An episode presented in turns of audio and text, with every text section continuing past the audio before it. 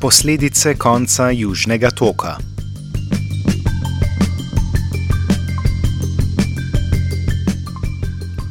V začetku tedna je ruski predsednik Vladimir Putin na obisku pri turškem kolegu Recepu Tadžipu Erdoganu naznanil prekinitev gradnje plinovoda Južni tok zaradi opozicije Evropske komisije. Takšna odločitev po svoje ni presenečenje. Novi komisar za energetiko Maroš Ševčovič je namreč že v svojem zaslišanju za komisarsko mesto napovedal, da Južni tok ni projekt Evropske unije in bo prednost raje namenil Južnemu plinskemu koridorju. Na vkljubne volji komisije in dejstvu, da je Rusija v Južni tok investirala že 3,7 milijarde evrov, pa je Putin napovedal iskanje zavezništev v Turčiji in gradnjo novega plinovoda, ki bi se preko turško-grške meje priključil na čezjadranski plinovod in tako dobavljal plin na rob Evropske unije. Dogajanje komentira Denis Čaleta, raziskovalec Inštituta za korporativne varnostne študije celotno situacijo je treba gledati v neki širši luči, da je pač ta južni tok že dalj časa uh, nekako visel pod vprašanjem, predvsem proti uh, nesoglasjem, ki so se nekako uh, porajala med Evropsko unijo in Rusijo že pred v bistvu, uh, eskalacijo te ukrajinske krize.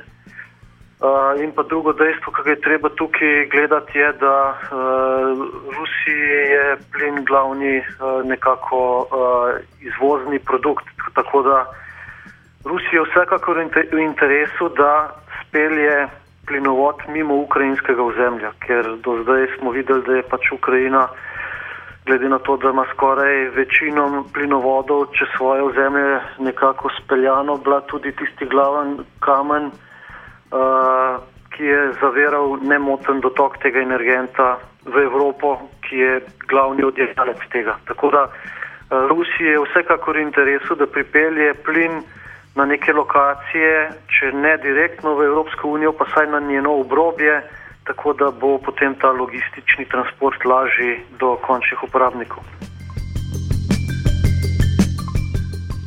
Zaradi prekinitev gradnje plinovoda Južni tok je iz igre padla tudi Slovenija in možnost njenega ključnega strateškega položaja v energetski politiki.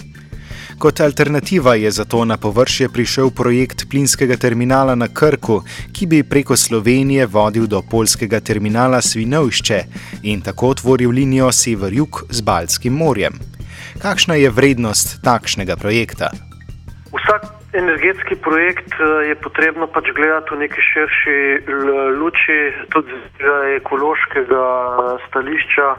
Zdaj, glede na to, da smo kot Slovenija izredno nasprotovali uh, projektu uplinjevalnikov oziroma skladiščnih eh, kapacitet v Žavljah, jaz menim, da je uh, projekt, ki ga nekako Hrvaška eh, želi potisniti v spredje eh, z svojimi kapacitetami na Krku, ravno tako lahko sporen z tega ekološkega stališča, ker eh, je pač Jadransko morje zaprto morje z, bom rekel, velikimi vplivi na okolje v primeru nekih nesreč, ki se lahko zgodijo pri, pri takih projektih oziroma pri pretovarjanju Eh, tega energenta. Tako da eh, težko zdaj ocenim, kaj bi to za Slovenijo pomenilo, eh, če gledamo čist golo z energetskega stališča, pa vsekakor še en dodaten ver, ki bi nekako Sloveniji zagotovil, da bi nekako svoje potrebe po energentih ustrezno zadovoljevala. Kaj pa je Slovenija s prekinitvijo gradnje Južnega toka izgubila? Uh, dejstvo je, če pogledamo strani uh, države kot je Slovenija, da bi ta uh, Južni tok bil v njenem strateškem in bi moral biti v njenem strateškem interesu, da Slovenija zaradi svoje politike nasploh, konkretno pa tudi energetske politike tukaj v določenih korakih eh, izredno nespretna in v bistvu ne zna zagovarjati svojih strateških interesov. In uh, v vsakem primeru uh, za neko energetsko neodvisnost, kljub temu, da odgovorni trenutno uh, trdijo, da tudi v bodoče brez južnega toka Slovenija ne bi smela uh, imeti težav za dobavo zemljskega plina in drugih energentov, pa vendarle država, če jo pogledamo v nekem geostrateškem položaju, njeni moči, razvoju, gospodarstva in vseh ostalih stvari, mora imeti ta tok energentov, ki so ključni za ta gospodarski razvoj, uh, v bistvu uh, nekako to dobavo in mora imeti tekočo. In uh, Slovenija, nažalost, uh, je tukaj uh, vse skozi odvisna od uh, sosednjih držav, kjer, v bistvu, uh, kjer imajo te energente nekako speljane, skladiščene in uh, se je potrebno zavedati, da si pri tej potrošnji vedno potem na drugem mestu, ko pride nekaj narobe, tako kot smo bili že priča v teh plinskih krizah, eh, vojni med Ukrajino, Rusijo in ostalih geopolitičnih eh, in pa drugih eh, težavah, ki se dogajajo okoli nas. Prekinitev gradnje Južnega toka nadaljuje gospodarsko in politično oddaljevanje Evropske unije in Rusije. Zdi se, da zaradi energentov Rusija zaseda strateško močnejši položaj, vendar v mnogih aspektih ostaja odvisna od evropskega trga in tehnoloških znanj. Nadaljuje Aleksandr Libman, raziskovalec Nemškega inštituta za mednarodne in varnostne zadeve. Yeah, you are absolutely right. Russia is dependent on the European Union, and not just in terms of technology, although um, technological uh, imports to Russia, both in terms of, of, of, knowledge, but also in terms of machines, in terms of uh, capital, um, came from you, from you, from Germany, for example. But also because European Union is, as of now, the major consumer of Russian energy. So the dependence is really very high, and uh, indeed, as of now, we see that these ties are severed. For example, the trade between Russia and Germany, which used to be the major trade partner of Russia in the EU, is dramatically declining over the uh, last months. Rusija in Evropa ostajata vzajemno odvisni. Kakšna so pričakovanja glede razvoja mednarodnih odnosov, zaključi Libman.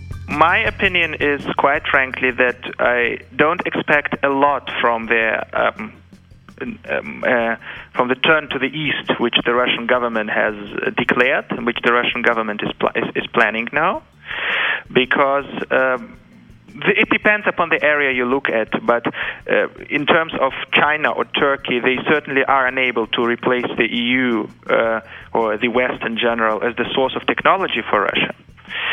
Uh, so from this point of view, uh, this change will, will not affect that much. Um, on the other hand, uh, what, what this change could mean, hypothetically, is certain development of uh, trade ties and energy. We have seen that Russia is now planning to redirect uh, part of the energy, which was part of the gas, which was supposed to go through South Stream through Turkey. And of course, you have heard about the mega deal Russia made with China regarding the gas supplies. So this could happen. Um, but nevertheless, I just can't see these countries replacing EU as a source of capital goods and of technology. I also don't think that as of now Russia is entirely cut off from the EU in this respect. You know that there are sanctions in effect, but as of now, these sanctions concern only specific areas. Uh, they concern technology for oil, and they concern the dual use goods, while the cooperation between Russia and the EU is much broader. Uh, from this point of view, at least as of now, at least what we can see from the European businesses, that they try to, to, to keep these ties. Of course, there are two things which make future very indifferent, very uncertain. The first one is uh, political crisis in Ukraine, and here I simply don't know what will happen tomorrow. Nobody does, I think. The second is uh, economic crisis in Russia, because now we can firmly state Russia entered economic crisis. Uh, there is no doubt about this. Uh, with Russian ruble depreciating, uh, imports from the EU will become less attractive, and we just, uh, again, don't know how the European and Russian companies will react on this. My prediction would be that at least in the foreseeable future, European and Russian companies will try to t- keep their trade ties. Uh, given what sanctions permit, but I don't see any expansion. And if the Russian economy will go towards long term stagnation, these trade ties may contract.